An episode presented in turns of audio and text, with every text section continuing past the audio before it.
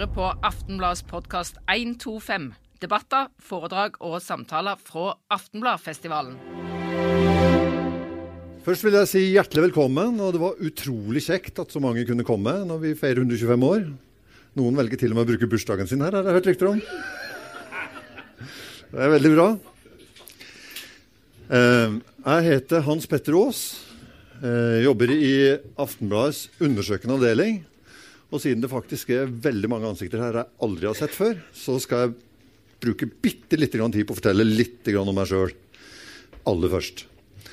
Jeg har jobba i Dagens Næringsliv. Jeg har jobba i VG i 17 år. Der jobba jeg mye med de store krimsakene. Og etter hvert også med ganske omfattende graveprosjekter.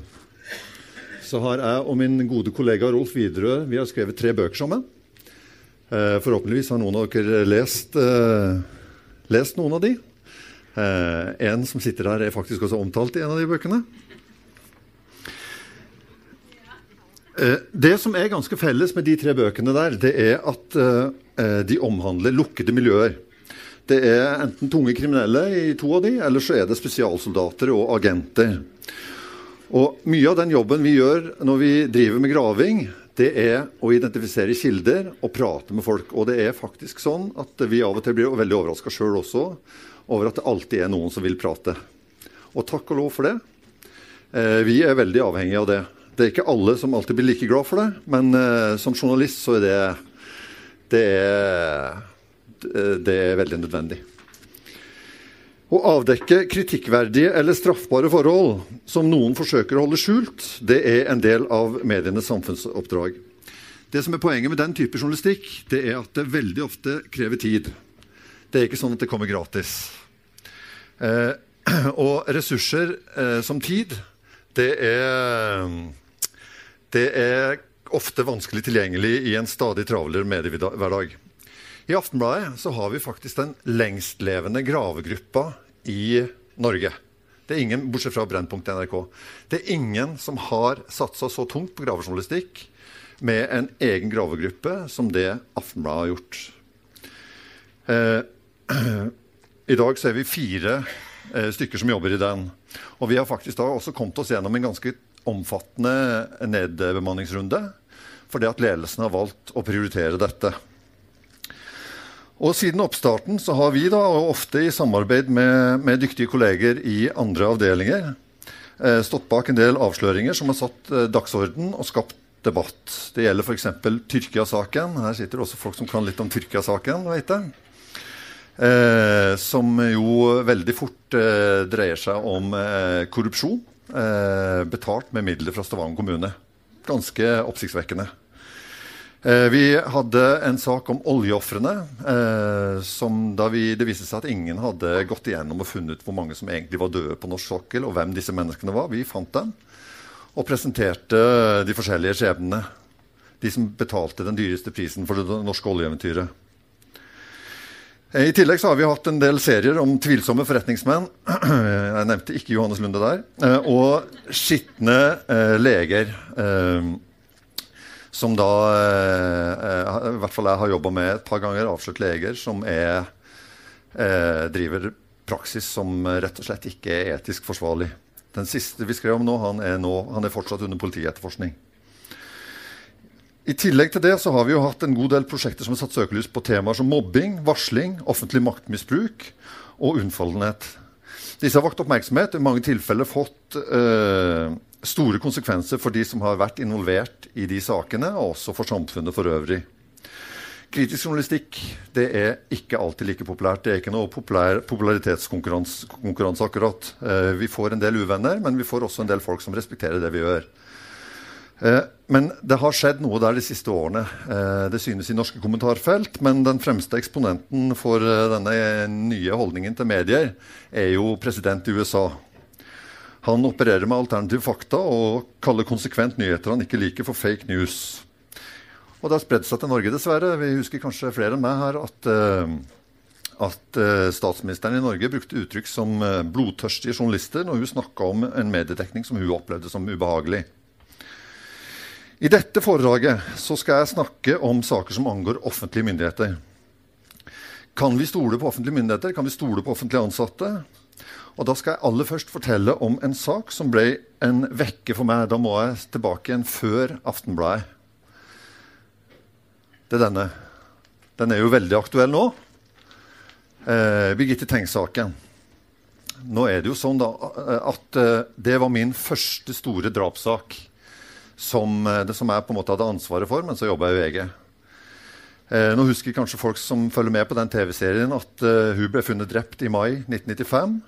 To år senere så ble fetteren pågrepet og sikta for det drapet. Og så kom det en slags tilståelse, som senere ble trukket tilbake igjen.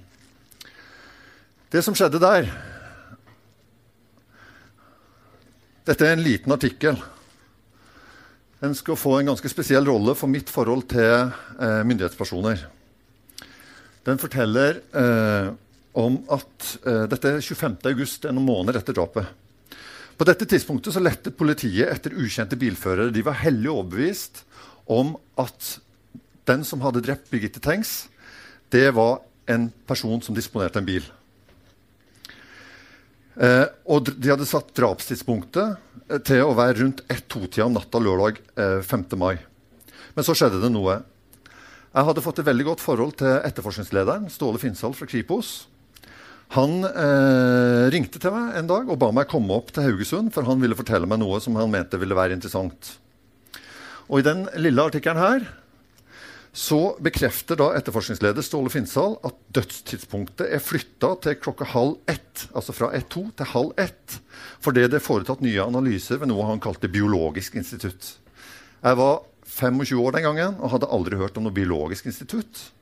Men uh, det hørtes imponerende ut, og uh, det var jo ingen grunn til å betvile uh, noe som helst. Så jeg skrev da en sak som ble veldig interessant for politiet. For det, det de også kunne opplyse, det er at den analysen gjorde at de kunne konsentrere seg om en bil som var sett i enden av gågata, som er tegna inn på det kartet, som ingen trenger å se, egentlig, men det er noe der.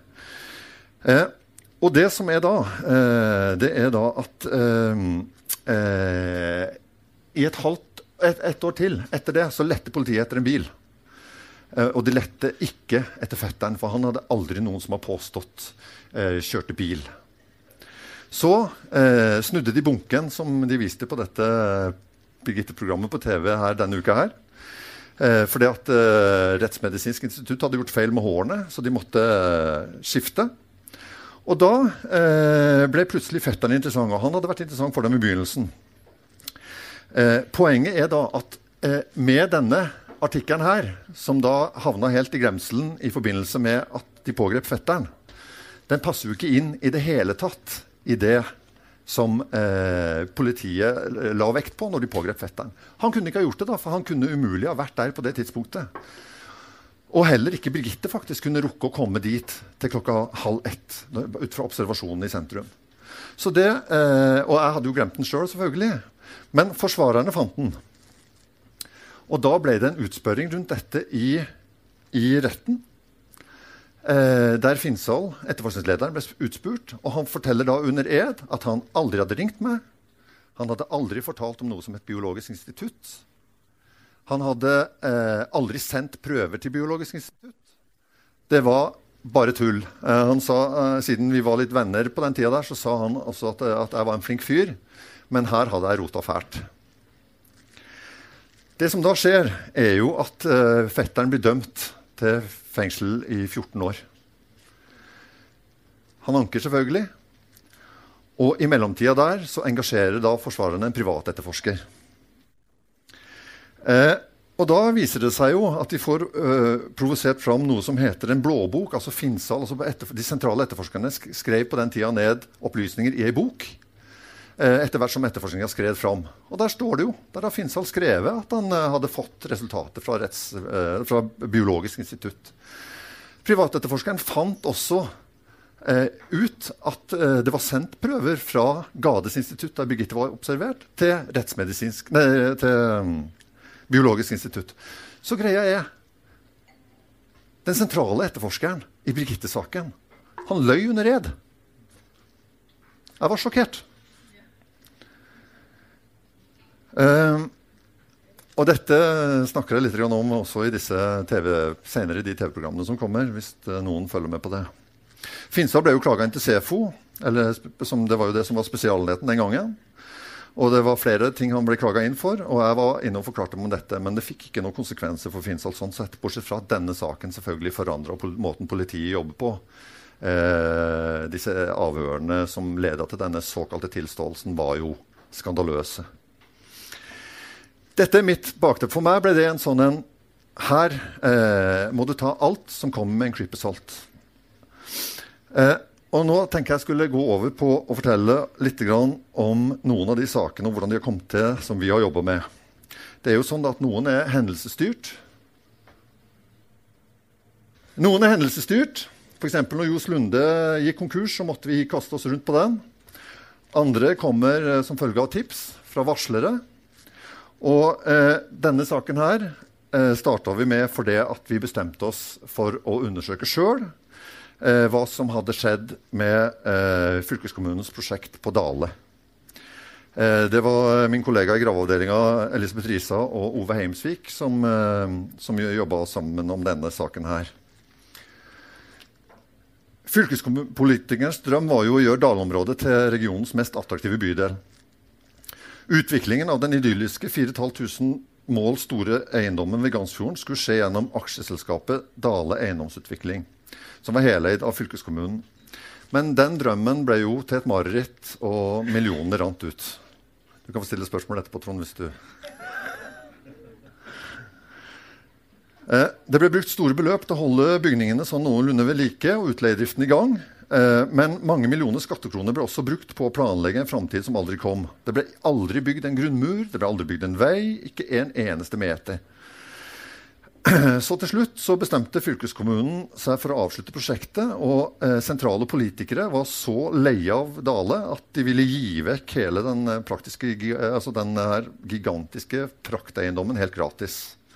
Og det var jo for å bli kvitt hele driten som eh, fylkesordfører Janne Johnsen sa til oss når vi holdt på å jobbe med dette. Så lurte vi jo da på hvordan kunne det gå så galt? Hvor mye penger gikk egentlig med før de luftige planene ble skrinlagt? Og ikke minst, hva ble alle de fylkeskommunale eh, millionene brukt til?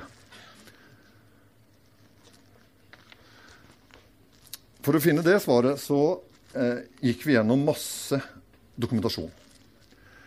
Eh, vår jobb er veldig mange ganger spennende, men gudene skal vite at den også er forferdelig kjedelig mange ganger. Vi har lest årsrapporter og styrereferater og tråla tusenvis av regnskapsbilag og fakturaer. Dette er to sånne fakturaer eh, som ser ryddige og fine ut. og det ser ikke akkurat så imponerende ut, Men hvis du tenker at du har 36 ringpermer fulle av sånne som skal mates inn i Excel-ark, så skjønner en jo at det er en eh, del arbeid eh, som ligger bak, og at det kan bli utrolig kjedelig. En tålmodighetsprøve. I tillegg til det så gikk vi gjennom eh, reiseregninger og utlegg for å få oversikt over millionene som ble brukt på konsulentselskaper, advokater, medierådgivere, bespisning, alkohol og reisevirksomhet.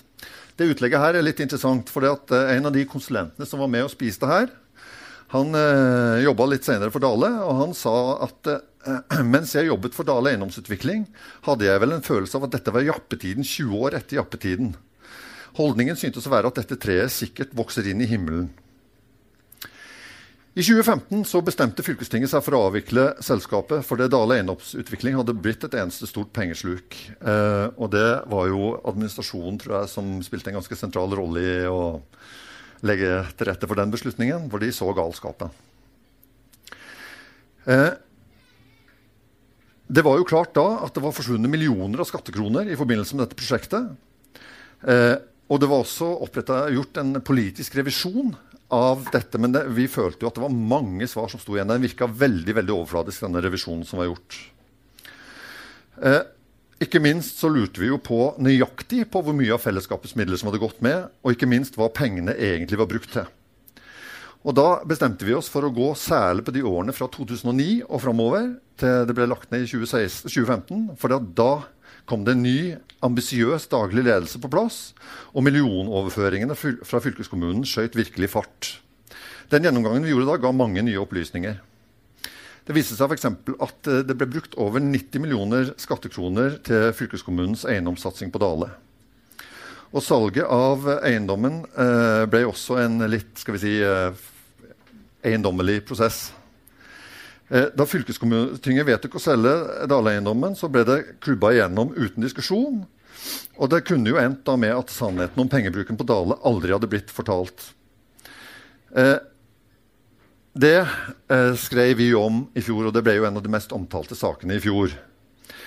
For det var ganske utrolig hvor mye da dette lille fylkeskommunale selskapet med sju årsverk i administrasjonen hadde klart å uh, bruke. Eh, F.eks.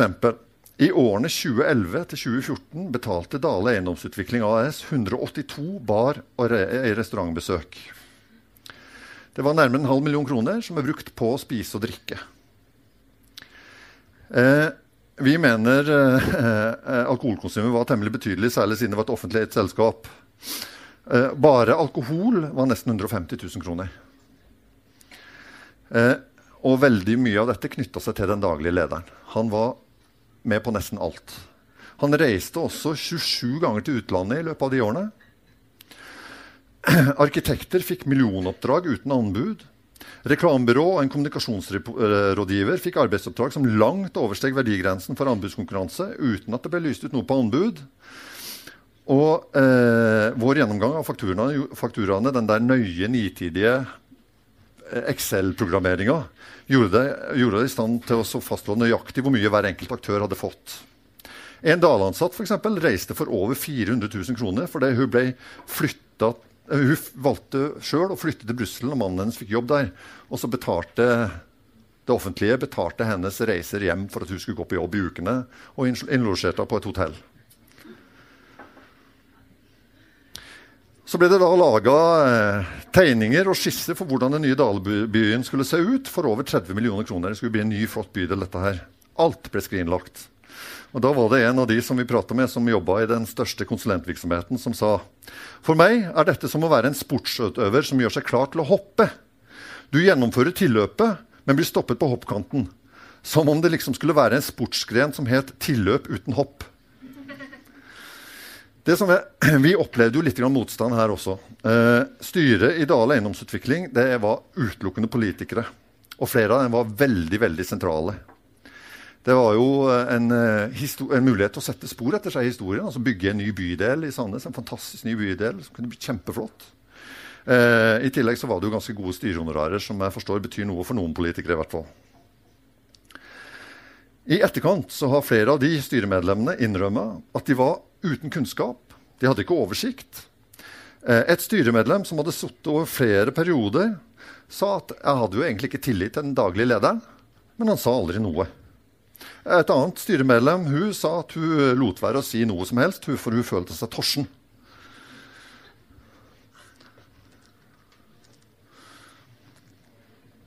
Eh, så det var ikke så lett. Vi dokumenterte at pengene rant ut av selskapet.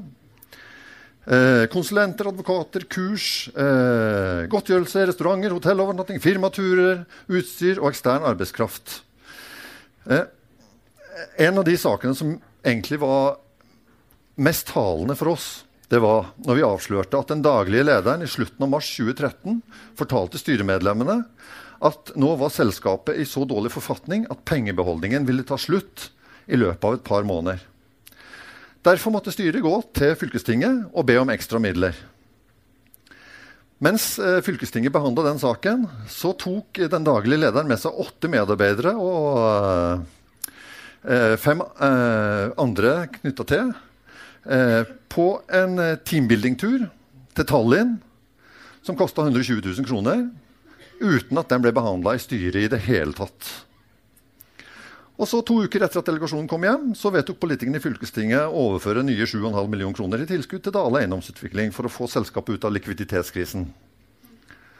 Fylkespolitikerne hadde selvfølgelig ingenting om denne studieturen. Eh, og bare i 2013 så ble da eh, Dale eiendomsutvikling tilført 20, over 20 millioner kroner fra fylkespolitikerne. Det var den ene saken som kom ut av det prosjektet. I tillegg så oppdaga vi jo at det var noe spesielt ved den tidligere daglige lederens forhold til offentlige penger. I forbindelse med intervjuer og kildesamtaler som vi hadde tidlig i prosjektet, så fikk vi høre rykter om at han var politianmeldt av sin forrige arbeidsgiver for uh, underslag. Angivelig så skulle Kristiansand kommune anmeldt ham for uh, det på samme tida som han fikk jobben i Rogaland fylkeskommune, uten at uh, dette selskapet som hadde jobben å headhunte en ny daglig leder til et gigantprosjekt i Rogaland, fikk vite det, selvfølgelig.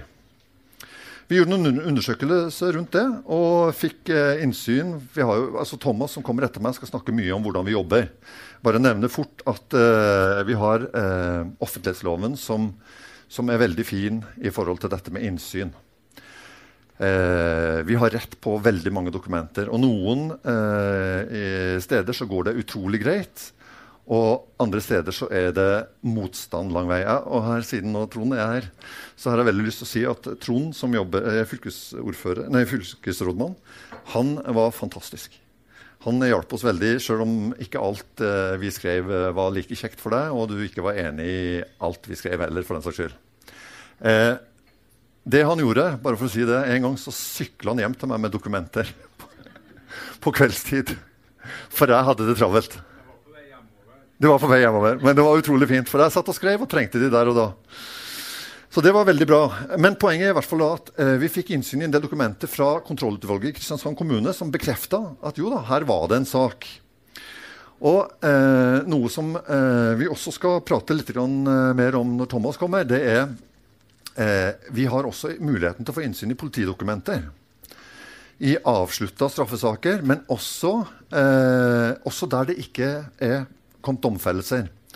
For det var riktig som vi har hørt det. Kristiansand kommune hadde anmeldt sin egen eh, medarbeider for underslag. Grovt underslag. Så vi fikk da innsyn i, Det finnes en del åpninger der som gjorde at vi fikk innsyn i alle de dokumentene. Så vi hadde da en sak om at jo, han var under etterforskning. Det virka riktignok som en ganske overfladisk etterforskning, den, men den ble henlagt da etter bevisets stilling.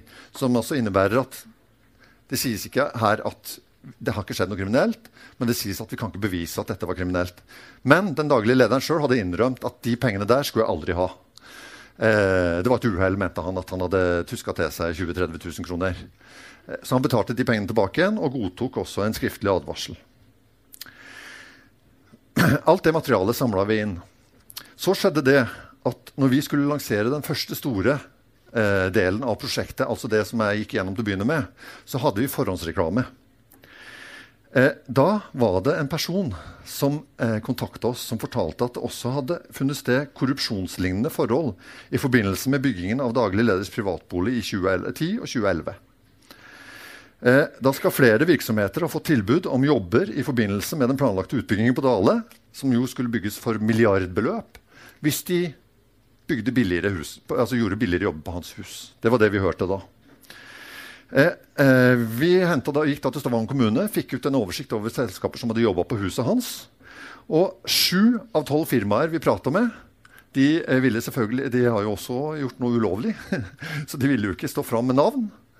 Men de kunne da fortelle at sju av tolv sa jo, vi, har, vi, vi, fikk sånne tilbud av han. Den saken ble også henlagt av politiet Igjen etter en litt overfladisk etterforskning, vil jeg påstå. Men nok en gang etter bevist stilling. Eh, altså, det kan ha skjedd noe, men eh, vi vet ikke. Men der kunne det vært gjort mye mer. Det kan vi prate om etterpå.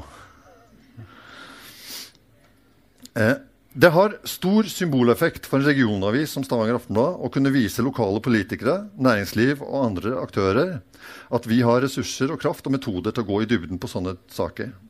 Denne saken her skapte betydelig debatt både blant Aftenbladets lesere og blant politikerne om forvaltning av offentlige midler. Eh, sånn at eh, eh, den saken der eh, den ruller jo for så vidt fortsatt, for det at det er en granskning som, eh, som skal ta for seg noen av de tingene vi har gått igjennom eh, på nytt.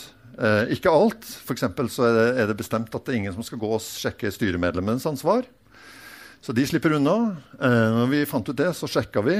Ikke én gang. Det finnes jo eh, sikkert tusenvis av selskap som er eid av det offentlige i Norge. Ikke én gang har et styremedlem måttet stå til ansvar, eh, personlig ansvar for det de har gjort i offentlig selskap med offentlige midler. Det har ikke skjedd én gang. Men det var en sak som handla om økonomi. De er viktige. De kan være tunge å presentere. Eh, men eh, det som aldri er feil, det er å belyse enkeltmennesker for å sette søkelyset på større samfunnsproblemer. Noen av de mest vellykkede prosjektene som vi har gjort, og som har fått størst konsekvenser, det er veldig triste enkelthistorier. Her er jo glassjenta. Eh, den saken har veldig mange hørt om også utafor Aftenbladets uh, naturlige nedslagsfelt. Den, uh, den, gikk, den, gikk, viralt. Barnevernet er jo en av de mest taushetsbelagte tjenestene i den norske velferdsstaten. Når vi skrev dette, så var det rundt 1300 som bodde på institusjon. Det er noen av de folkene vi vet minst om i dette samfunnet. Det er unge mennesker som ofte har vanskelig for å bli hørt. Og Ida var en av de. En augustnatt i 2014 så sendte hun en e-post til flere norske mediehus hun hevda at hun var blitt utsatt for omfattende maktovergrep fra barnevern og politi, og at hun nå skulle tvangsflyttes for sjuende gang til en institusjon på en øde plass. Og sjuende gang det var sjuende gang på eh, sju måneder. Altså Hun ble flytta rundt en gang i måneden. 130 mil unna sitt hjem skulle hun nå flytte, og nå var hun fortvila. Eh, og da eh, starta eh, Thomas eh, Ergo og jeg en eh, halvannen år lang gransking av hennes sak. Det som gjorde oss veldig nysgjerrige, var hvordan Ida, da, eh, som aldri hadde hatt noe med politi eller myndigheter å gjøre, som aldri hadde utvist aggressiv atferd overfor verken lærere, medelever eller andre, som var en aktiv idrettsjente, plutselig har blitt en versting med store, store problemer. Så den eh, saken eh, eh dreide seg egentlig om hva hadde egentlig skjedd etter at barnevernet tok over omsorgen for en 15 år gammel ungdomsskoleelev. Dette blir litt sånn teaser for uh, det som kommer etterpå. For at Thomas, eh, eh, som kommer etter meg, Thomas Ergo, han kommer til å gå mye mer i detalj på denne saken. Og Der vil han fortelle mye mer om hvordan vi jobber, og litt hvordan det har gått med, med Grossjenta. Jeg skal avslutte med den eneste saken jeg har hatt i hele mitt liv som faktisk har fratatt meg nattesøvnen. Jeg tror jeg jeg jobba med drap, jeg jobba med eh, triste ting, eh, folk som er i den dypeste fortvilelse.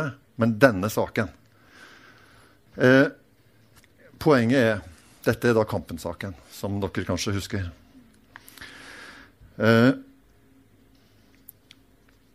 Jonny Risvik han ble mishandla til døde av sine såkalte venner i løpet av noen uker sommeren 2010. Det bildet der det er det eh, pressen, mediene, TV, radio, det er ikke radio, men TV og avisene brukte i forbindelse med omtalen av saken. Det er tatt av en av vennene ikke så lenge før mishandlingen begynte. De fem vennene, som alle hadde forskjellige diagnoser og hjelpebehov, ble tiltalt og dømt. Etter rettssakene så visste vi egentlig alt om lidelsene Jonny ble utsatt for av sine såkalte venner i en periode på minst to uker. Han ble tråkka på Sparka mens han lå på gulvet, bl.a. med fotballsko og motorsykkelstøvler. Han ble piska over hele kroppen. Han ble brennemerka med glødende sigaretter i ansiktet og på kroppen. Han ble brent med lighter i ansiktet, på kroppen. Skutt i skrittet med blykuler fra en CO2-drevet luftpistol. Vennene hans helte glovarmt vann over ham, spraya ansiktet hans med isspray, pressa håndflaten mot en glovarm kokeplate. I lange perioder så satt han fastteipa i en pinnestol i stua mens han var utsatt for alt dette. Ved minst én anledning så var ansiktet hans teipa igjen, så kun nesen var fri. Han fikk ikke mat, han fikk ikke drikke. Og når han fikk noe å spise, så var det kanskje snus og sigaretter som de tvang til å spise. Eller pizza med påfyll som snus og sigaretter, kattemat, katteavføring og urin. Så døde han. Tolv dagers tortur som ender med at han dør. Ok, Så blir de skyldige dømt, da, de som gjorde det. Men det var noen viktige spørsmål som sto ubesvart. Hva visste vi? Hjelpeapparatet? Hva visste hva, visste, hva, hva, hva, hadde egentlig skjedd? Hvordan kunne det skje? Det var fem personer her som hadde hjelpebehov. Hva gjorde, hva gjorde Stavanger kommune som dette skjedde i, med denne kunnskapen?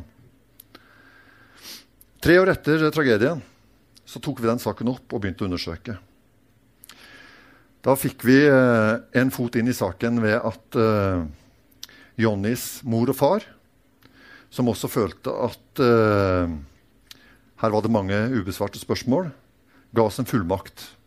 De ga oss en fullmakt å gå inn og jobbe med denne saken. Og igjen etterforskningsmateriale fra politiet. Dette er noe av det som, eh, som gir oss muligheten til å få det ut. Det, når vi får ting fra politiet, så er det masse overskuddsinformasjon som ikke nødvendigvis en, eh, kan brukes av politiet men som forteller veldig mye om det som skjedde. Det kommer informasjon i avhør.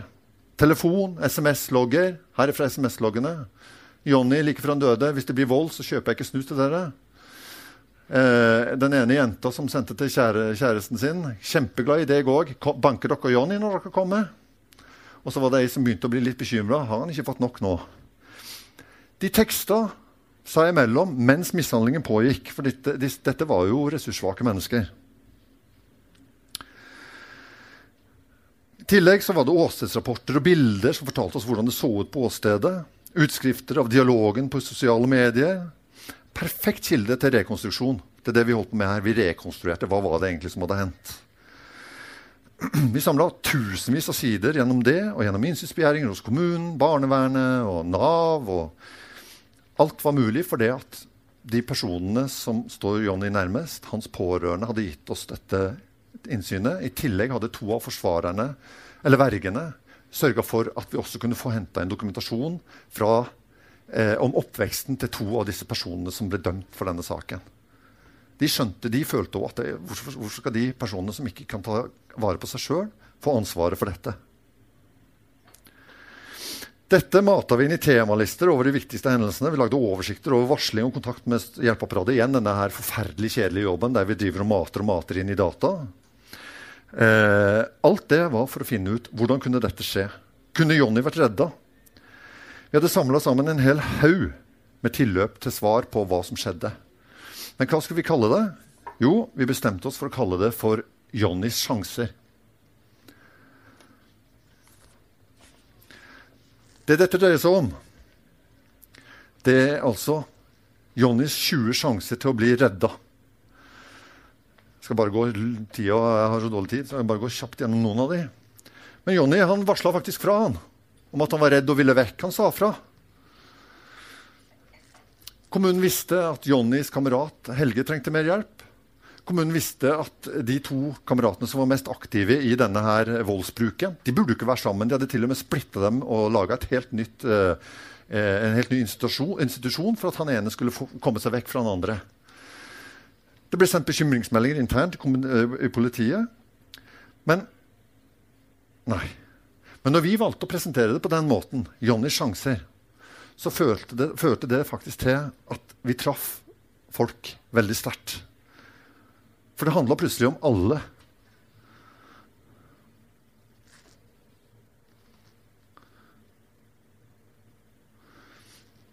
Det handla om alle. Vi gikk på naboene. Naboen hadde sett det. De naboene kunne vært meg og deg. Det kunne vært hvem som helst der inne. Hva hadde vi gjort hvis vi så en person bli banka på gata utafor huset vårt? Hadde vi sagt fra? Hadde vi stoppa det? En av mødrene til disse her, hun fikk se Jonnys mishandla overkropp. Hadde vi turt å si fra, vi? Naboene som så Jonny bli skada. Eller en gang så tok de med seg Jonny og sminka han opp som ei dame og kjørte han gjennom byen. De tok han med i luftene i bånd gjennom byen. Alle de som så han da. Ingen sa noe.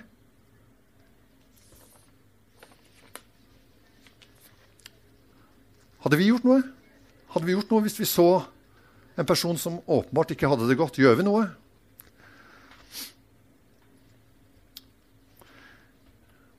Det som i hvert fall endte, var at eh, Det som skjedde, var i hvert fall at eh, disse eh, kameratene endte opp i et hus på Kampen alene. To gutter i tillegg til Johnny, tre jenter. Alle med sterke hjelpebehov.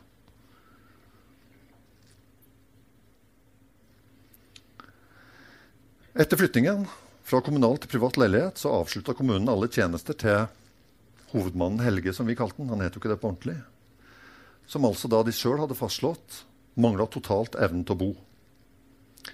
Jonny han ba faktisk også om å få tilsyn og miljøtjenester i den nye leiligheten, men det fikk han ikke. Selv om eh, de som fikk høre disse meldingene, fikk vite at han var redd for den vennen han bodde med. Og Et av problemene her var at Johnny flytta til en ny bydel. Helse- og sosialkontoret skrev i sin journal at de skulle gi beskjed til det nye helse- og sosialkontoret om hva slags hjelp han trengte, han hovedmannen. Det skjedde aldri. Utover sommeren så flytta flere og flere inn i den leiligheten. Fellesnevneren til alle sammen de ønska ikke hjelp av kommunen. To av de, vi kalte de Helge og Anders, begge lettere utviklingshemma, hadde bodd på barnehjem siden de var små, bodde der sammen og har utvikla et sterkt destruktivt forhold. Det offentlige hadde jobba mange år for å skille de to. Anders, som var en veldig enkel eh, gutt, han var svært voldelig og skulle ha daglige medisiner mot dette. Samværet med Helge gjorde han mer aggressiv og destruktiv. I tillegg sa også han, i likhet med Jonny, at han følte seg trua av Helge. Men likevel klarte ikke hjelpeapparatet å skille de to eller sørge for at Anders tok medisinene som skulle bremse aggresjonen hans. Våren 2014, nesten fire år etter at Jonny døde, brukte fylkesmannen vår dokumentasjon til å konkludere med at Jonny ble svikta av kommunen før dødsfallet sitt. Kommunen hadde svikta sin lovpålagte hjelpeplikt både overfor Jonny og også overfor en av de andre gjerningsmennene. Dette er historien om en gutt, ung manns tragedie, men det er ikke den eneste. Vi husker sikkert Kristoffer-saken, som ble mishandla til døde av sin stefar. Janne-saken fra Bergens Tidende. Ei jente som ble utsatt for overgrep og fornedrelser i så stor grad at hun mista evnen til å snakke. Så har du Kampen-saken. Grusomme historier om barn og mennesker i hjem uten status og posisjon. Vi kjenner alle noen, kanskje fra barnas fotballtrening eller fra skolen. Neste gang så kan vi kanskje tenke på Jonny. Jonny ble utsatt for grov mobbing helt fra han var liten. Men han lærte seg ganske tidlig at det ikke var noe vits å si fra. Men Johnny smilte alltid likevel, sa de som kjente han. Uansett hvordan han hadde det. Uansett så smilte Johnny. Johnnys historie er grusom, men den avstedkom i det minste lokal og nasjonal systemkritikk. Mange opplevde disse reportasjene som en personlig vekker. Og denne grusomheten har ført til noen systemendringer, og kanskje forebygger den lignende hendelser. Takk for meg.